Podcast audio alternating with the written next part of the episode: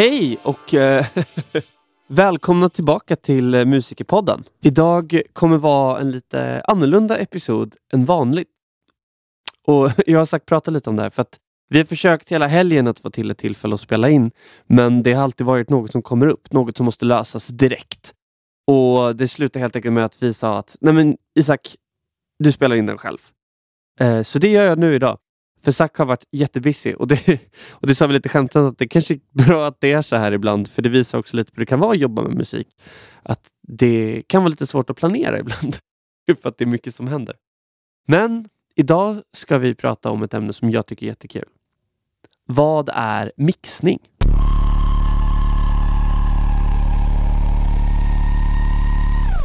Ja, mixning är ju ett ganska brett område. Det är någon term som ni, de flesta av er hört förut. Men eh, det kan sammanfattas. Jag hittade en sammanfattning jag gillar som är moddat lite.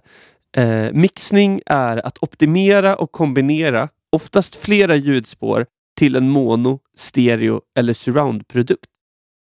Och Det är ju kanske lite rörig mening. Men kort och gott så är det helt enkelt att du har oftast flera ljudspår då som du sätter en balans på så att de upplevs som en helhet. Och denna görs ju oftast i stereo. Det är om ni lyssnar på lurar när ni har två. Så att det låter som att det kan vara brett. Då är det ju stereo, för då är det två olika ljudkällor. Eller mono, det är ju om ni bara har en ljudkälla. Eller surround. Och då finns det massa olika varianter. Den vanligaste är nog fyra eller fem olika högtalare plus potentiellt då också, ska inte glömmas, en sub. Eh, och surround börjar bli mer vanligt, men det får vi ta i ett senare episod. Eh, Okej, okay. då vet ni vad det är. Och då tänker jag att innan jag går in och förklarar, för jag tänkte idag kan vi prata lite om hur jag tänker när jag mixar och ger en liten grundtips på att komma igång med det. För att det är, mixning är en sån där grej som tar ganska lång tid att lära sig. Så det är bra att börja testa och leka runt lite. Eh, men va, vadå, va, var kommer det ifrån? Hur kommer det sig att vi har mixning?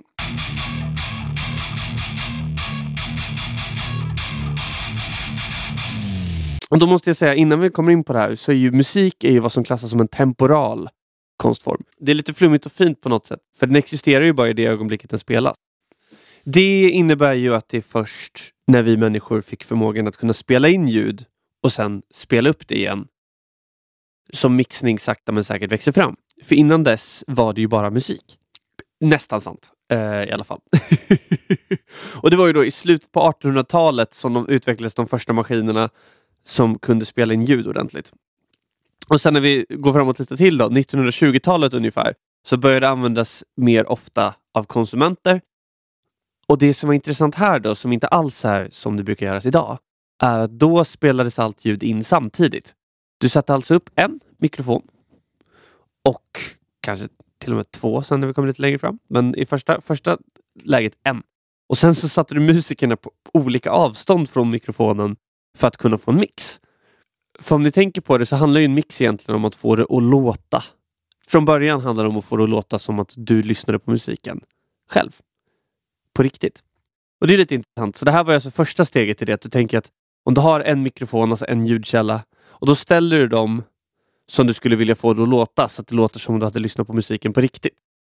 För om vi tänker tillbaka också, tillräckligt långt tillbaka i tiden, så hade vi inte heller några elektroniska instrument. Och innan vi hade några högtalare så hördes ju all musik på den volymen den spelades akustiskt. Det innebär ju att sångaren behövde sjunga tillräckligt högt och alla andra behövde spela tillräckligt lågt eller högt för att det skulle höras som en helhet. Och detta är ju någonting som är väldigt annorlunda idag, för nu är mixning är ju till och med en del av livemusik. Men okej, okay, vi hoppar vidare. 1960-talet så började det användas band för att spela in. Alltså ni vet den analoga band, har ni nu hört om någon gång. Sådana som finns i kassetter, om vi ska förenkla det lite. Eh, funkar med, om jag minns rätt, metallspån i banden. Men i alla fall. Eh, de började få flera kanaler, de banden.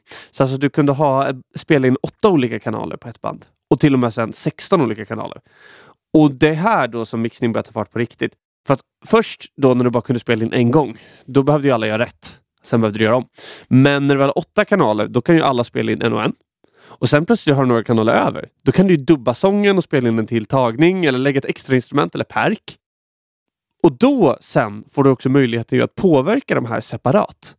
Och det är där någonstans de teknikerna som används idag börjar komma upp. Uh, jag tror jag har nämnt den förut i podden för att jag tycker det är ett fantastiskt exempel. Men Tomorrow Never Knows med Beatles är ett fantastiskt exempel på tidig användning av uh, ljud på ett sätt som inte är för att det ska låta som det gör i verkligheten. Och det är det jag tänker att den moderna mixningen delvis handlar om. Uh, och nu, nu senare då, okej, okay, då har vi den analoga tiden och så vidare, men nu har vi ju med datorerna och DAVs, alltså Digital Audio Workstations. Då har det aldrig varit enklare att manipulera ljud efter att de spelats in. Idag finns det ju hur många sätt som helst. Du kan kvantisera ljud, du kan ändra pitch på noter, du kan oktavera upp, du kan oktavera ner. Du kan till och med med viss teknik ju, så byta ut röster mot andra röster och så där med deepfakes grejerna och AI och så vidare. Så det finns så många sätt idag att behandla ljudkällor efter att de är inspelade. Och detta gör ju också att mixning idag är ett, en jättestor del av eh, musiken. Eh, för en mix avgör ju delvis hur en låt låter. Så alltså en låt låter ju såklart. En låt som är dåligt mixad, som är en superbra låt, kommer ju låta bra. Och en halvdålig låt som är bra mixad kan ju låta okej. Okay. Men mixning påverkar ju ändå vilket rum vi sätter i. Eh, om vi säger så här att det finns massa olika förklaringar. Eh, om vi tänker så här. Om du har massa bra råvaror, det är låten beroende på hur du lägger upp dem på en tallrik och vilken typ av tallrik du har och vart du serverar den så kommer den ju smaka olika. Och det är ju det en mix är. Att du äter ju fortfarande samma mat men om du äter den i en skum gränd eller i en jättelyxig restaurang så kommer det påverka hur du uppfattar maten. Det förändrar inte maten per se, men det uppfattar din upplevelse av maten. Precis samma sak med mix.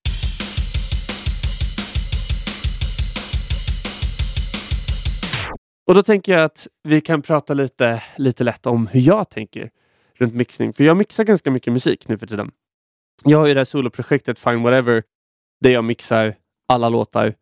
Så jag mixar minst en låt i månaden och sen jobbar jag på en hel del andra grejer och mixar och mastrar kompisar och folk jag känner musik och eh, har även börjat vara med och hjälpa till med Tribes grejer också.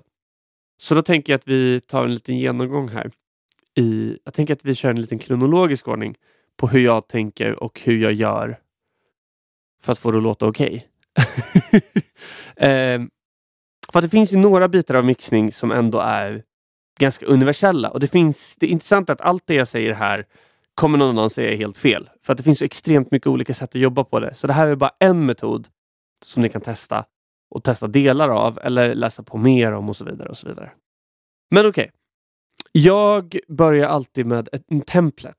Så jag, jag, sitter i ett program som heter Logic och mixar. Och det jag gjort är att jag har tagit ganska mycket tid för att designa en template på hur jag vill att allting ska ligga. Och Det betyder alltså att jag har redan, om vi tänker så här, i ett mixningsprogram då så har du ju en kanal till varje ljudspår. Och sen kanske du vill att du ska kunna stänga av och sätta på all sång. Enkelt. Då kanske du vill lägga dem tillsammans i en buss. Alltså som i en mapp. Och det har jag fixat redan från början. Och Sen kanske du också vill ha olika effekter som du brukar använda. Och De har jag också satt upp redan från början. Så jag har satt upp en template och det är ju för att spara tid. Uh, för ju längre jag lyssnar på låten desto mer färgad blir jag ju. Så jag vill så fort som möjligt komma igång med att jobba med musiken istället för att lägga tiden på att organisera. Så därför slänger jag in allt så fort som möjligt. Och sen efter det så brukar jag personligen välja att gainstagea. Och gain stage är helt enkelt att jag har satt en originalvolym som jag vill att alla spår är från början för att det inte ska bli för högt. För när du är i en DAV, har ni säkert sett någon gång, och i andra sådana liknande saker som spelar upp ljud, då kan ni se att det är rött vid volymen. Och det är ju då alltså att den gått över nollan. Och det gör ju att det, det blir distorsion. Alltså det låter oftast ganska dåligt när det går över nollan.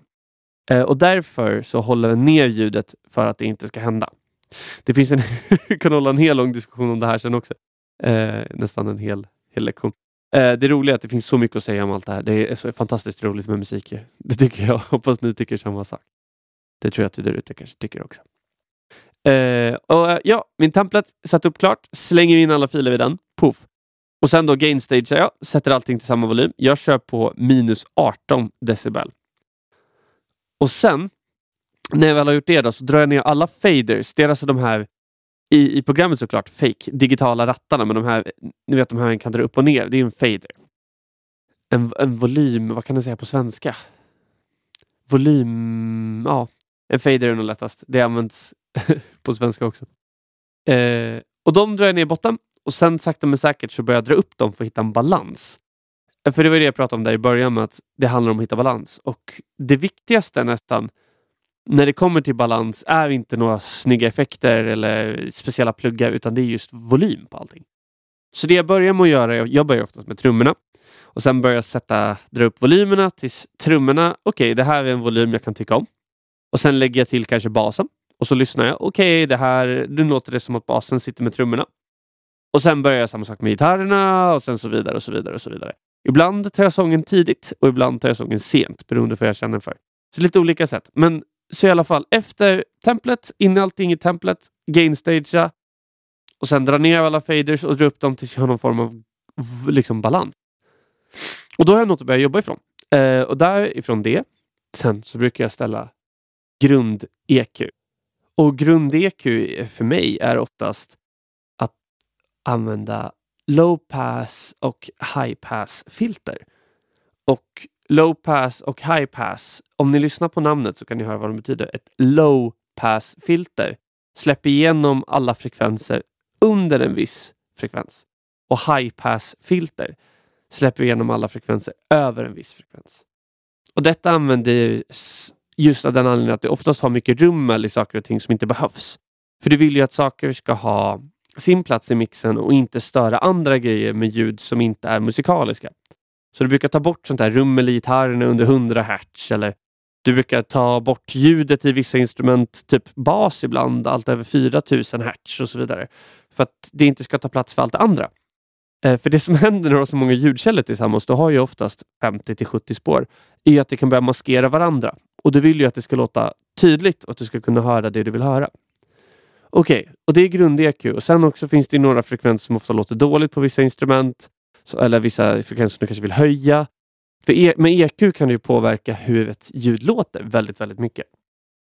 Och sen när jag börjat sätta EQ, och jag känner att okej, okay, men nu börjar, det, nu börjar det låta ännu bättre. Då börjar jag ofta leka lite med effekter. För det finns ju massa olika typer av effekter. Jag tror vi har pratat lite lätt om dem. Och det kan vi göra igen. Det finns ju tidseffekter. Det är alltså saker som påverkar saker i tidsramar, alltså delay. Som skapar en kopia som spelas senare. Eller reverb som skapar jättemånga kopior men som upplevs då som ett rumsklang egentligen. Och sen har vi ju andra tidseffekter som man inte tänker på som tidseffekt ofta, men chorus och phaser och flanger och så vidare. Eh, och de används ju väldigt mycket. Eh, och sen också dist används väldigt mycket. Kompressor och så vidare. Eh, och de används på olika sätt. Men om vi kommer ner till det kan vi diskutera varför alla de här effekterna används. Vissa gånger är det ju bara för att skapa känsla i en låt. Alltså att den här gitarren ska låta superdistad, man ska säga crunchy och cool och sådär. Och då används ju effekterna för att skapa en känsla. Men utöver det så handlar det ju lite om det jag var inne på när jag pratade om historien. Att det handlar om att skapa, skapa rum. Vi vill oftast, i nästan alla fall, får det att låta inom citattecken på riktigt.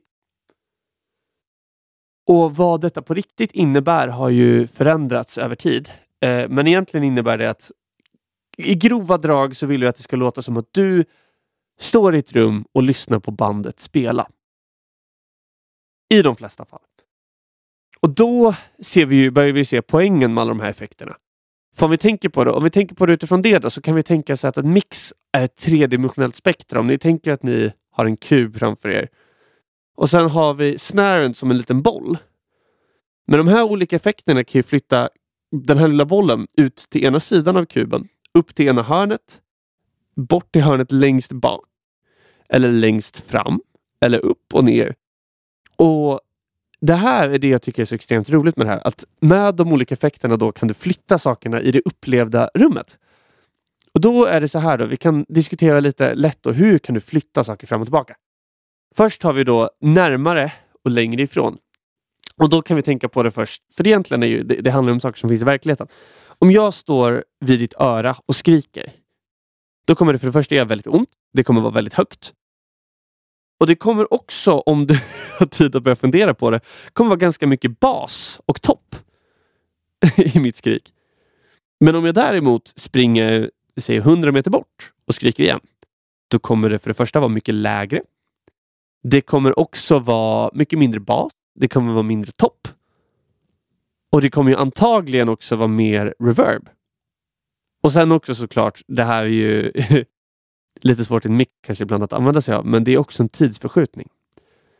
Och här, här börjar vi komma fram då till lösningen. Okej, okay. så om du vill flytta någonting bakåt i en mick. Om du plockar bort lite high och low material och lägger på reverb och sänker volymen, då har du gjort alla sakerna. Och du behöver oftast använda ett av knepen bara.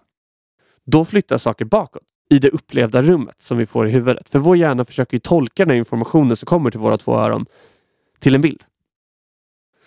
Okej, okay, så det var bak eller fram. Och tiderna då? Hur gör den det? Det är ju den som är lättast att förstå tydligt och det är ju helt enkelt genom att panorera. För att när vi jobbar med stereo, då kan vi antingen ha ett ljud lika mycket i både höger och vänsterkanalen. Eller bara i ena höger eller vänsterkanalen. Eller någon kombination, typ 30-70 och så vidare. Så du kan alltså flytta ljudet fram och tillbaka. Och då hamnar det ju mer höger eller vänster och dess upplevs olika beroende på om du sitter med hörlurar eller i högtalare. Okej, okay, så nu har vi bak och fram, vilket var EQ, ta bort low och high, reverb och sänka volymen.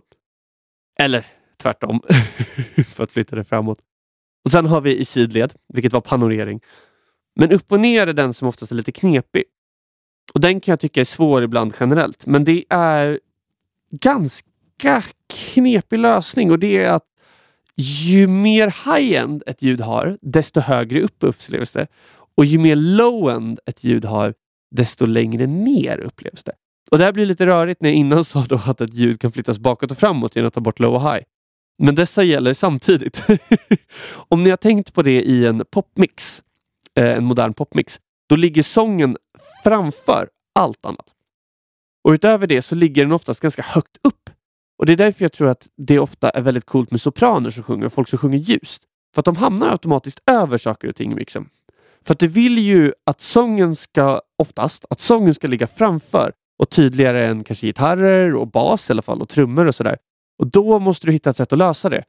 Och då när du börjar tänka på den här tredimensionella boxen och lyssnar på musik så hör du vad det är folk har gjort.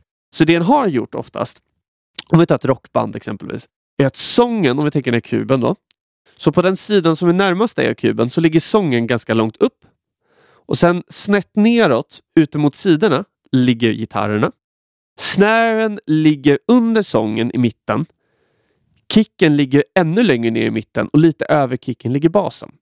Det här är ju en jättestor förenkling och det finns massa fina diagram online där ni kan läsa mer.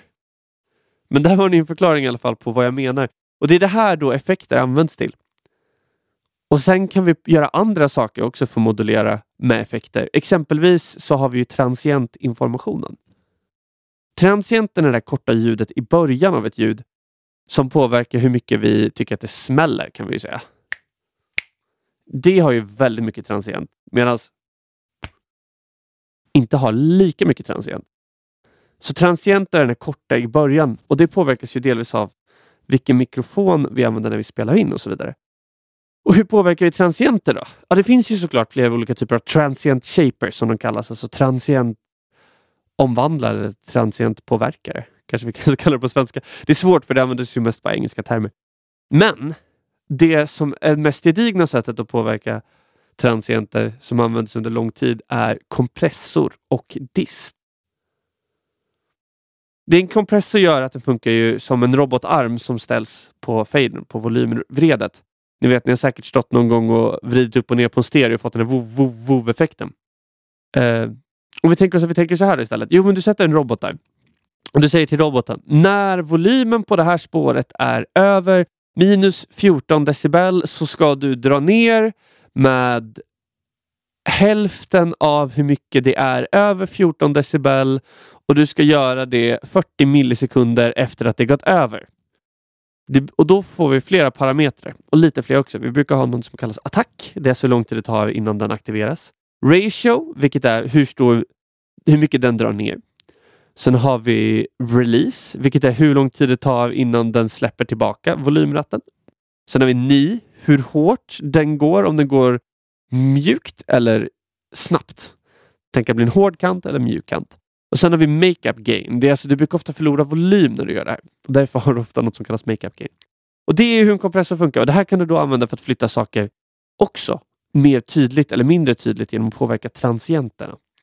Och Det gör den ofta då för att kunna få saker att kännas fetare och längre fram.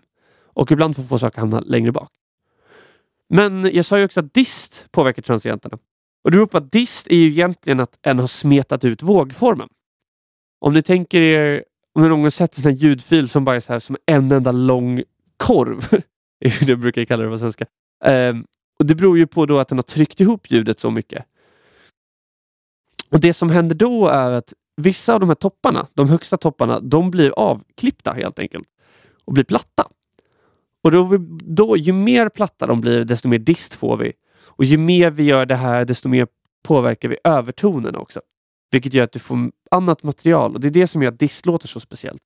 Så lite dist kan faktiskt vara ett sätt att påverka om vi säger att du har eh, exempelvis en tamburin som är alldeles för jobbig när den slår till. Så kan du med jättesvag dist ta bort det här allra jobbigaste. Och det går ju oftast snabbare då än många kompressorer gör. så det är ett litet hack jag fått lära mig som är ganska coolt. Men okej, okay, och någonstans här, lite innan oftast, så börjar jag lyssna på mina referenser. Referenser är låtar som jag tycker låter ganska lika, som jag vill att det ska påminna om. Eller låtar som jag har fått av klienten jag jobbar med, hur det ska låta. Det här är helt enkelt ett sätt att se till att du inte blir alldeles för blind på det du sysslar med. För när du sitter och pillar med ljud, problemet med öronen är att de vänjer sig. så att om du sätter in alldeles för mycket high-end så kommer dina efter ett tag säga att det här är helt normalt. Om du tar bort all high-end, samma sak. dina öron de kommer säga att det är lagom med high-end. Lösningen är då att ha referenser som du från början vet, det här låter som jag vill att det ska låta. Och med dessa kan du sen då se till att du inte kommer alldeles för långt ifrån vad du vill. Och Du kan också lyssna på specifika saker som hur låter min kick jämfört med den här kicken? Hur låter gitarrerna tillsammans med basen i den här mixen? Har de några speciella effekter och så vidare? Det finns massa saker du kan lyssna på med referenser. Och att mixa utan referenser skulle jag säga är en väldigt dålig idé. Det är väldigt bra att använda referenser. Det behöver inte låta exakt likadant, men det är ett sätt att kunna tolka det du gör och få någon sorts förmåga att kunna bedöma det. Eftersom då öronen justeras. Efter detta börjar jag finjustera och jag jobbar personligen ganska mycket med parallell komprimering. Parallellkomprimering det är alltså att du skickar en ljudkälla till en annan spår där du har en kompressor. Och Detta gör du för att kunna feta upp ljudet ännu mer. Um, en, en av mina lärare som jag haft en gång förklarade som att det är ett sätt att få lite mer av den analoga känslan du kunde ha. Uh, det som händer när du gör det här är ju att du kan fånga transientmaterialet bättre och sen även trycka upp mellan transienterna. Uh, och Du kan använda massa olika kompressorer till det här. Jag brukar använda SSL-kompressorer exempelvis. Och Nu behöver vi komma in på specifika detaljer och det kommer vi gå igenom mycket djupare också. Vi kommer ha episoder om bara kompressorer, om bara eko och så vidare. Och Sen ska vi också ha episoder om olika plugin-företag och hur de förhåller sig till varandra och hur de fungerar. Tänk att det kan vara bra att veta.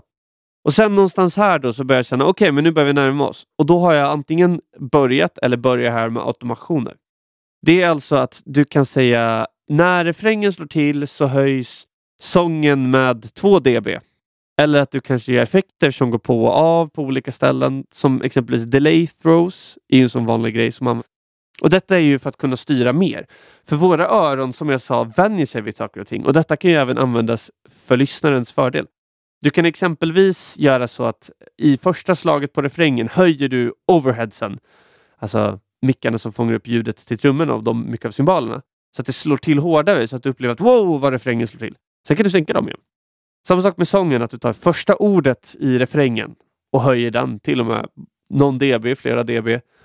Och då, wow, refrängen blir tydligare för då vet du vad du ska lyssna efter. Och Detta kan användas också på många andra olika instrument, att du sänker och höjer och justerar och så vidare. Och Det används, använder jag väldigt ofta och väldigt många använder det. Kan även användas för att ta bort specifika ljud du inte tycker om och så vidare. Och så såklart så lägga delay throws och, och sånt. Kul. Kanske öka disten i refrängen på basen. Det kan vara nice.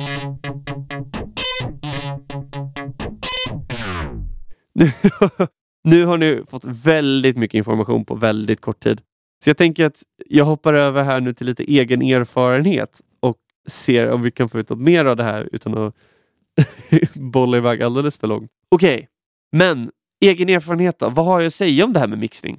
Jo, jag skulle säga så här. Nu har jag förklarat hur vi mixar lite och så här, bakgrundshistorien till och så vidare. Men jag skulle säga att det finns nästan ett steg innan den kommer in till det här som man ska göra parallellt med att börja mixa. Och Det är att lära sig att lyssna på ljud och förstå hur det låter och varför. Och Vad jag menar med det är att det är lätt när en börjar att bara vrida på rattar och tycker att den inte hör någon skillnad och så händer ingenting och jag förstår inte vad det är som händer.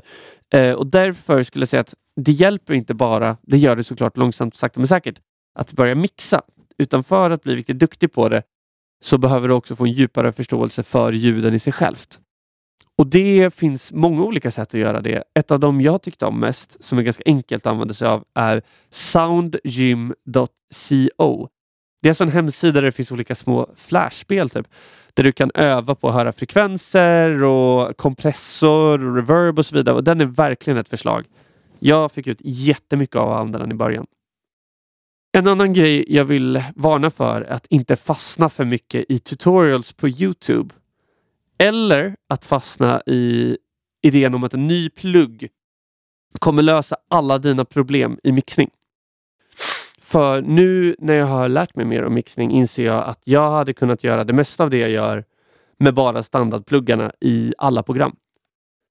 Såklart att jag gillar mer att jobba med de specifika pluggarna jag valt att jobba med, för de passar mig bättre. Men egentligen så hade jag kunnat jobba med enbart de som kommer i ett program. Och det finns jättemånga bra tutorials, så det här är inte det jag säger att alla tutorials på Youtube är kassa. Det jag menar är att det finns oändligt många videor och lösningen är oftast att jobba mer och såklart, såklart lära sig mer också. Men det kan ni göra på andra sätt. Om ni vill ha specifika tips på folk som jag föreslår så är det bara att skriva till Musikpodden eller mig privat. Så skickar jag gärna tips för jag har tittat på ganska mycket tutorials själv också. Och sen inom allt med musiken, det tror jag inte vi pratat om så mycket, att hitta en mentor. Det är kanske är en lärare eller en kompis. Eller någon du följer på Instagram som du kan få någon typ av relation till där du kan lära dig mer av dem och hur de tänker. Det är jättevettigt. Det finns väldigt mycket människor där ute som kan mer än dig och som tycker det är kul att dela med sig av det de kan. Och sist men inte minst, jag hoppas att det här har varit en intressant början och skulle jättegärna vilja höra er feedback. Eh, nästa gång så ska vi se till att Zack är med och jag ser jättemycket fram emot att få göra ännu fler episoder om det här ämnet. Så nu hoppas jag att ni alla där ute får en fantastisk dag så hörs vi snart igen nästa vecka. Ha det gött! Ja, då var vi klara för den här gången i Musikpodden. Vill bara säga tack för att ni är här och lyssnar. Är det någonting som vi fick om bakfoten eller har ni några extra frågor till oss så är det bara att skriva antingen på Instagram, at musikerpodden eller till vår mail, musikerpodden gmail.com. Hoppas ni har det fint där ute så hörs vi snart igen. Ha det gött!